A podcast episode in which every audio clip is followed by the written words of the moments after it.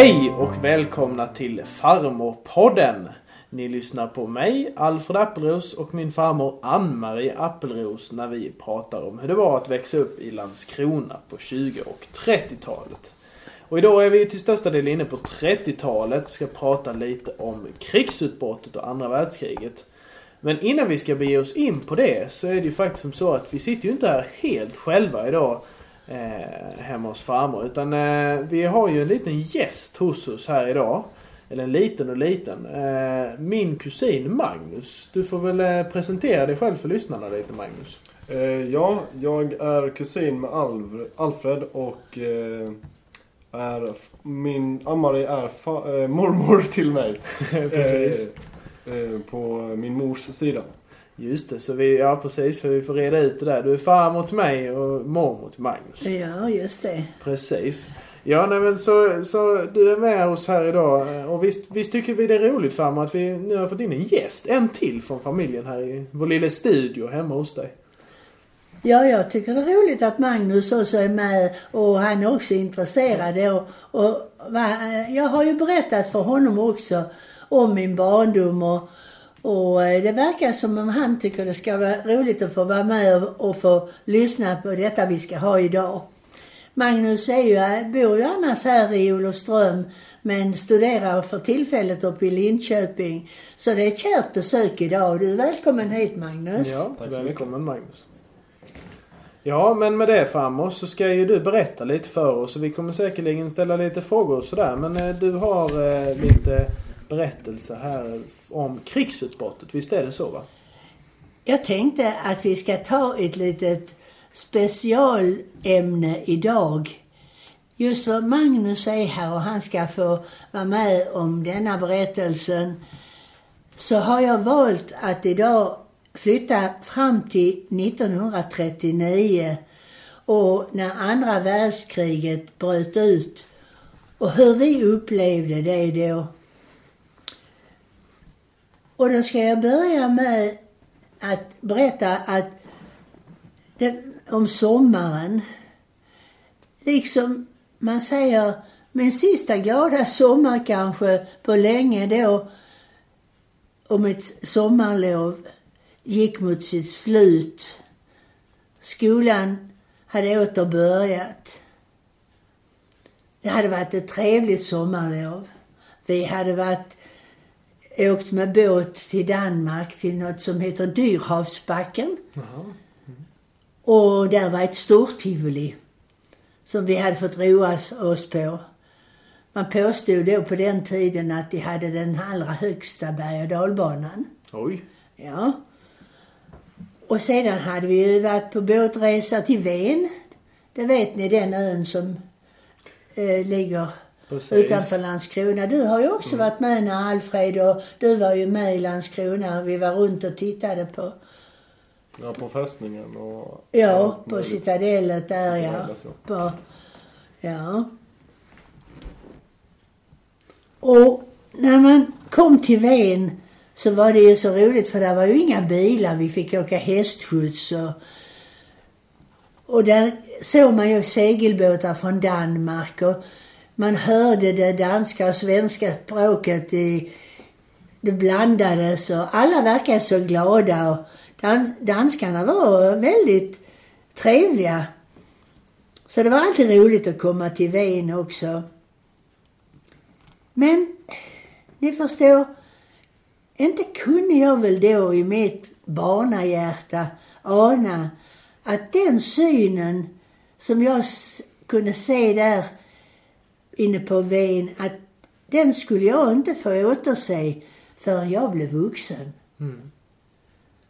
Denna sommar, den var faktiskt den sista lugna sommaren i min barndom.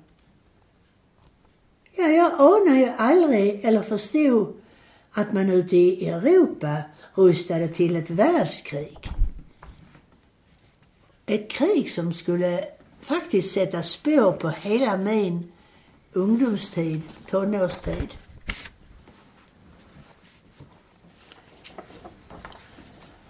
Far och mor hade ju talat med varandra om en man som hette Adolf Hitler. Ja, just det. Det har ni nog hört talas om. Och i Tyskland var ju han. Och man förstod ju att det var många som inte tyckte om denna man. Jag kommer ihåg en dag vi gick förbi Salhallstorget, mor och far och jag. Och då var det någon som stod uppklättrad i en talarstol och skrek och höll tal och mor hon viskade lite till mig sådär att det är nazister. Du ska aldrig stanna och stå och lyssna på dem, kom ihåg det. Och jag visste inte riktigt vad det var, en nazist. Men eh, jag viskade till Lilian, min väninna, och vi eh, kom överens om att vi skulle aldrig lyssna på detta. Så du märkte ändå av det här med att liksom det var, fanns nazism och så. Pratade man om det i skolan någonting? Nej, inte Absolut då. inte. Inte då. Nej. Nej, jag hade aldrig liksom hört talas om det. Och på radion, som jag har berättat innan, vi hade ju bara en kanal på radion. Det var ju i nyheterna Mm, där i så fall. Eller kanske någon notis i tidningen. Men du vet, i den åldern, 12 år, då läste man ju inte sådant. Nej. Och på radion hörde man ju mest det som var fint och roligt ju. Mm. Just det. Men eh, jag tyckte det lät lite hotfullt så jag tänkte så här. Ville de förstöra min barndomsvärld? Tänk om de tar mor och far och mina syskon ifrån mig. Jag, jag tyckte det var- blev liksom så konstigt omkring mig. Ni förstår, vi var så oerfarna. Ni har fått växa upp med mycket genom allt vad ni får reda på. Och det är krig i världen mycket nu ute runt omkring. Det är kanske inte så konstigt för er som det var för oss då. Vi hade levt i trygghet. Det var ju så att det fanns ju knappt några människor som var utifrån Sverige utan vi var det lilla Sverige och svenska omkring eh, hemma. Mm. Så, så för oss var ju detta en stor förändring när allt detta nu kom att ske. Ja, just det. Ja, nej, för det, det... Jag vet inte, hade du tänkt på innan sådär att jag menar, det, det fanns krig runt omkring och man, man hörde kanske inte om att det var krig någonstans? Inte då. Mor hade berättat och far om första världskriget och hur fattigt det hade varit. Och, och som jag har berättat om innan att många barn fick engelska sjukan och, och sådär. Men du vet, det var ju så långt, det var ju över 20 år Ja. eh, innan. Så vi tänkte aldrig liksom på, något krig, krig, så. inte alls. Nej, för det kan ju jag känna och jag tror du känner igen det i det Magnus, att vi har ju liksom växt upp med att det har nog alltid varit krig någonstans. Ja, precis. Det har aldrig varit eh, en lugn stund Nej. någonstans i världen. Det, jo, jag minns, eh, om jag ska säga så minns jag att det var någonting med Abessinien och någon som hette Haile Selassie och det var någon eh, i, i Spanien. Det kommer jag ihåg att de talade om så, eh, då. Ja. Men eh, du vet, det nådde inte fram när man eh, var, Nej. var så oerfaren som vi var egentligen. Nej. Men jag kommer ihåg att de samlade in pengar till det och till barn som hade det svårt och så. Det var det ju. Ja, så kom ju då den 1 september 1939. Och det kom ett dystert bud i radion. Det var den dåvarande statsministern Per Albin Hansson och som med sorgsen röst läste upp ett meddelande att Tyskland hade anfallit Polen. Kriget hade brutit ut. Radion som stod där på byrån som var vår stolthet och glädje. Vi hade ju bara haft radio i några år. Och hittills i mitt unga liv så hade det ju bara förmedlat musik och Barnens brevlåda med farbror Sven och roliga program. Nu stod radion där på byrån och så sände ut såna här hotfulla budskap. En röst talade om att tyskarna marscherat in i Polen. Och därför hade ju England och Frankrike bestämt sig för att försvara de länderna mot Tyskland. Mm.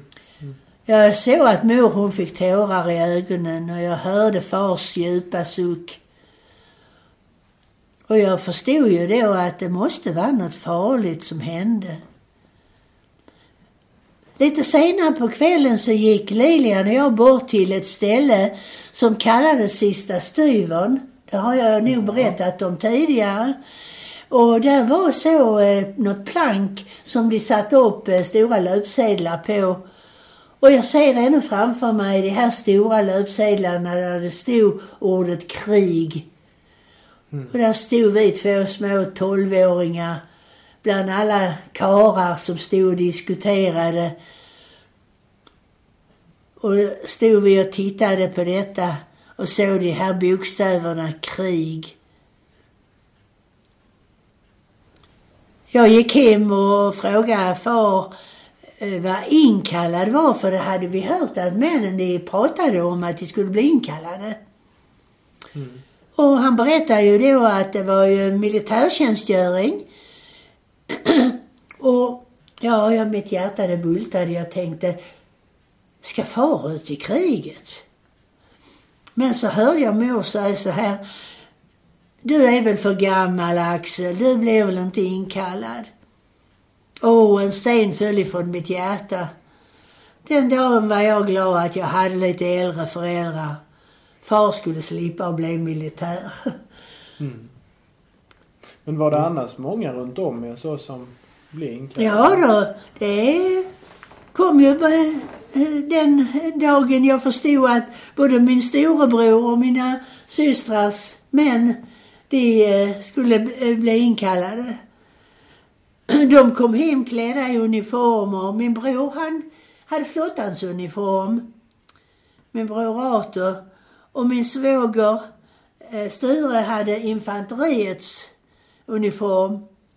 Och de kivade lite med varandra och vilken som var finast utav dem. Och de stod framför spegeln och gjorde honnör. Och, och jag tänkte så här, kanske inte det är så farligt för de skrattar ju och, och de speglade sig där och visade upp sig för mina systrar och för mor och far. Men mor hon såg så sorgsen ut och hon gick ut i köket.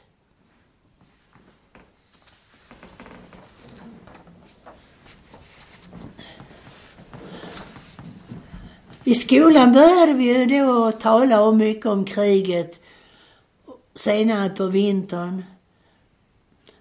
Nu hade ju även ryssarna, de hade ju tågat in i Finland och vi talade mycket om hur svårt det finska folket hade det. Och då vår lärarinna, som jag har berättat om innan också, Tyra Larsen, hon var mycket för att engagera sig för att hjälpa Finlands och särskilt barnen där och folket Hon frågade om vi skulle vilja hjälpa till och det ville vi ju gärna. Hon bad oss att vi skulle fråga hemma till exempel om eh, vi hade några garnrester och stickor och så skulle vi ta med det till skolan. Sedan fick vi sitta inne på rasterna och sticka vantar och halsdukar och ylleliv mm, vad är det för någonting? Vad är ett ylleliv? Ett ylleliv? Jo, Magnus, det ska jag tala om för dig vad ett ylleliv är. Jag kanske ska berätta eh, hur, hur eh, till exempel en, en flicka, man hade först ett litet linne och sen ovanpå det linnet hade man ett ylleliv. Det var stickat utav mjukt fint yllegarn. Och, och så var det under Sen hade man ett livstycke med knappar fram som man knäppte och i det satt eh, strumpeband som man knäppte strumporna med. Men detta yllelivet, det satt med och värmde gott på vintern. Och det var sådana vi ville skicka till finska barnen för de inte skulle frysa på vintern. Och det var rätt lätta att sticka. För man bara stickade rakt och så blev det, gjorde man ett hål för huvudet och så eh, rakt igen och så sydde ihop det i sidorna. Så det kunde vi eh, som inte var så gamla, vi kunde sticka ylleliv. Mm. Ja, och sen eh, gick vi runt i affärer och tiggde ihop kläder till de finska barnen. Och vi, vi tog med oss eh, till skolan vars någon liten present som vi skulle lägga ner i den här lådan som vi skulle skicka. Och så skrev vi varsitt litet brev och skickade med den presenten och hälsade från, eh, från oss. Och sen packade vi den stora lådan och skickade iväg den till Finland. Och vi kände ju stor glädje när vi fick ordna med detta, det kan ni förstå. Och jag minns hur vi satt där på rasterna och stickade och eh, under tiden så sjöng vi och berättade roliga historier för varandra. Hemma hade vi börjat att ordna med mörkläggningspapper. De skulle man sätta upp framför fönstren på kvällarna. Ja, de satt uppe hela tiden men man skulle dra ner dem på kvällarna och så att inget ljus fick synas ut. Mörkläggningsgardinerna var tillverkade av något svart tjockt papper och det blev som en rullgardin. Och det var ju mörkt i hela stan. Man var tvungen till att ha mörkläggning. Inga gatlyktor var tända. Inga skyltfönster var upplysta. Och det fick absolut inte synas ut en enda liten glipa. För det fanns eh, särskilda vakter, förstår ni, som gick runt husen och tittade efter om det lyste ut. Då knackade de på och, och sa till att eh, man skulle vara försiktig och se till så att pappret täckte riktigt ordentligt. Hur, hur kunde det vara, alltså kännas att en stad förändras och Jo, det- full av liv annars liksom? Det var, det var hemskt. Vi vågade ju inte vara ute på kvällarna ju. Det var ju så mörkt. Ibland skulle man ju gå på någon litet, vi hade ju lite syföreningar och vi gick på scouter och sådär och, och gick till varandra. Och det var väldigt otäckt att, att gå i detta mörkret ju. Så att det blev, det blev ett helt annat liv för oss ju. Men det var ju för att inte eh, flygplanen skulle se och släppa några bomber fel. Vi var, vi, vi var ju så nära Danmark förstår du. Så att det hände ju eh, olyckor. Det hade varit i Lund hade man ju släppt, det hade kommit fel någon bomb ju. Så, eh, och kusten låg ju så nära så vi hörde ju flygplanen när de kom och hade varit iväg och kom och brummade och körde tillbaka igen. Och man visste ju inte om det var vän eller fiende som kom ju.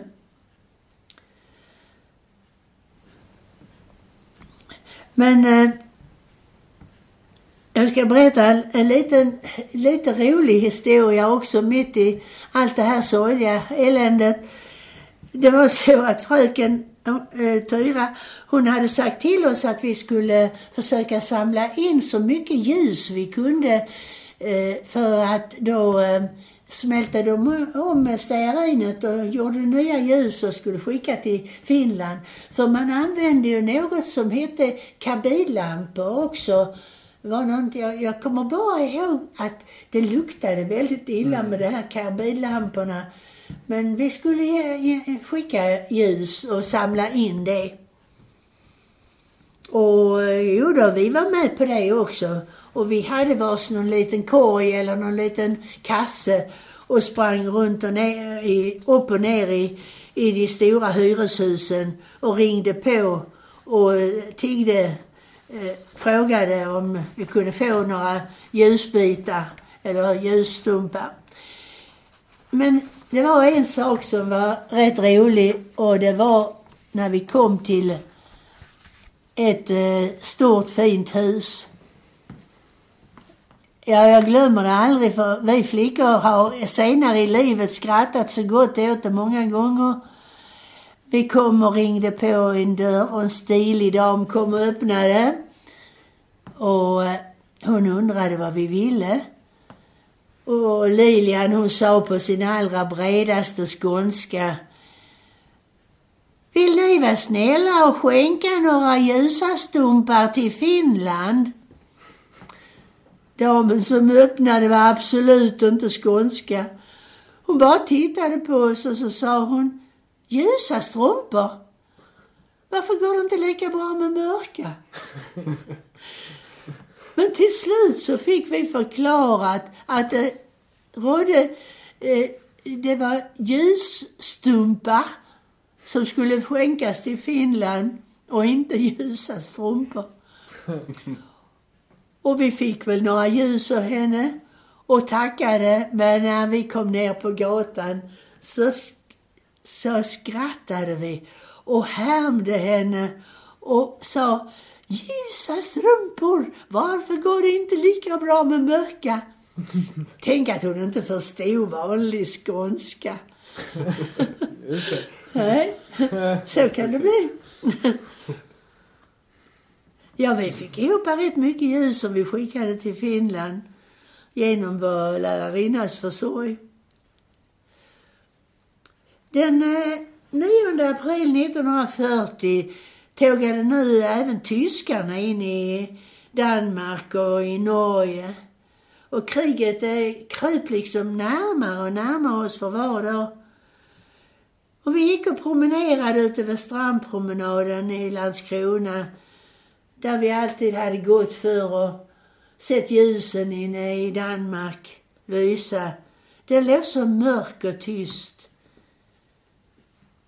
Förut så hade vi ju alltid haft detta framför ögonen med ljusen ifrån Köpenhamn och kusten hade glittrat i Öresund. Och vi tänkte på de glada resorna till Tivoli. Men det var slut med det nu. Och vet ni, man hade börjat att tala om att det var minor i havet. Just det, ni, fick ni bada och sånt då som ni ville eller hur, hur fungerade det? Märkte ni av det med minerna någonting? Det, det vet jag aldrig att vi tänkte på. Vi badade som vanligt, Ja. det gjorde vi. Och vi var ju aldrig så långt utifrån. Men eh, ett minne som jag har, det var ju när den här eh, eh, ubåten Ulven, hette den, när den eh, sjönk. Där var bland annat en eh, flicka i min, eh, mina scoutkamrater. Hennes bror, han omkom där på den ubåten. De talade ju om att eh, de hade knackat och de hade hört knackningar och så, men det gick ju aldrig att rädda dem som var ombord på denna ubåten. Var det ner mot eh, Landskrona till Nej. där eller? Nej, det, det kommer jag inte ihåg, vet du. Det får vi söka. Jag vet bara, ja det får vi göra. Jag vet bara att ubåten den var ju gjord i Karlskrona. Ja, just det. Ja. Precis. Så att, eh, jo. Och nere då på den strandpromenaden, där har ni kanske sett, jag har visat er, där ligger fortfarande efter alla dessa år de här stora tankshindren som man byggde upp och la på, på hela stranden där nere. Stora fula klumpar. Som eh, fortfarande minner oss om dessa dystra dagar. Det började ju bli gott om militärer också i stan. Men stad, våra pojkar från vår stad, de fick minsann ge sig iväg ända upp till Värmlandsskogarna och vakta vid Norges gränser. Och så började det ju bli ont om varor i affärerna. Kaffe och mjöl och eh, e, den ena dagen efter den andra så blev det ransoneringskort. Där har jag sparat ransoneringskort här, jag kan visa er någon gång. Eh, det, det blev ju så att man fick ju bara handla visst inom en viss period. Och det gällde ju, mor satt där ibland om kvällarna och la upp alla sina ransoneringskort på var och en av oss och såg hur mycket det var kvar på perioden. Så det skulle räcka till oss alla. Jag vet inte hur hon var som hon kunde trolla för vi var aldrig hungriga. Men vi fick ju inte alls den eh, maten som vi hade haft innan. det var nog värre att bo i en stad egentligen för de som bodde på landet de kunde ju ha till exempel höns och få ägg. De kunde eh, sätta potatis och grönsaker och, och likaså eh, så eh, kunde de ju nog Ja, de kunde plocka bär och Ja. lite allt möjligt. Så jag tror vi hade det jobbigt i stan. Och det fanns ju de som till och med... Jag, jag vet att vi hade duva. Eh, kunde man ju köpa duvor och äta. Men det fanns ju de som frågade ibland, är det kråka eller är det räv? Oh. Men det visste vi ju inte. Eh, ibland när man var ute på kvällen och sådär och de köpte, som man säger, de köpte en varmkorv utav Ja. en korvagubbe. Så skojade de alltid med korvagubben. Vad är det idag? Är det kråka idag? men, men det var kanske mest på skoj, jag vet inte. Men, men det, var, det var ju inte alls den kvaliteten på, på kött och sådant. Nej, kan jag tänka mig. Min syster hon jobbade ju som jag har berättat i en affär. Och hennes chef han var väldigt snäll emot eh, oss. Och han brukade alltid säga till Agnes att säga till din mor när hon kommer hit så ska vi sätta undan lite nu innan det blir ransonering. Det ska bli ransonering på det och det. Och mor hon tyckte inte om det här nya ordet som vi fick lära oss. Det hette hamstra. Ja, just det. Ja, det var ett nytt ord men det var ett lite fult ord. För det skulle man ju helst inte göra om man var solidarisk. Skulle man inte hamstra. Men har man en stor familj om man vill eh, väl så kanske det ändå blev så att man hamstrade lite. Och tack vare denna mannen så kunde vi få lite extra både kaffe och socker och sådana saker.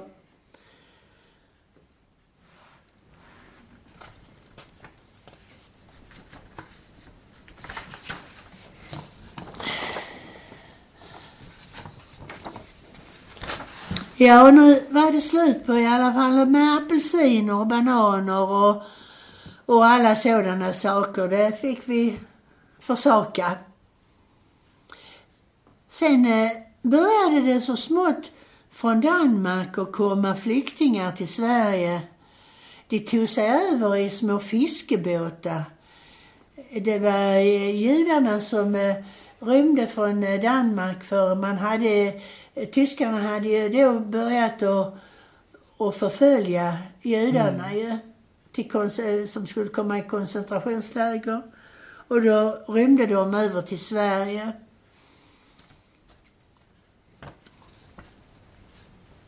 Och det var faktiskt de som försökte att simma över mellan Helsingborg och Helsingör. Oj, men det är ju långt ju. Ja, det är, inte- det är nog det kortaste biten mellan Danmark Ja, det det och säkert, eh, ja. det är kortare än mellan Landskrona och, och, och eh, Danmark. Ja. Men de jagades på ett ohyggligt sätt i Tyskland. Mm. Och Folk sattes i koncentrationsläger och man hörde de hemskaste saker som hände där. Det var gaskammare i förintelselägren. Men inte förrän långt efter krigsslutet så förstod man egentligen hur hemskt ohyggligt det var. Och hur det går till där. Det pratade man inte så mycket om. Alltså, eller pratade man någonting om det? Eh, Man visste inte så Nej. mycket. nej. Det var ju som jag sa, det var inte alls den kontakten som, eh, som det är nu. Att man kunde få reda på så mycket. Så att eh, det kom väl lite grann eh, upplysningar. Mm. Men Men märkte... eh, jag har ju förstått nu när jag är gammal Mm. vad mycket mer jag har läst böcker och fått veta hur det var Mm. nu i efterhand. Ja, än vad vi visste då.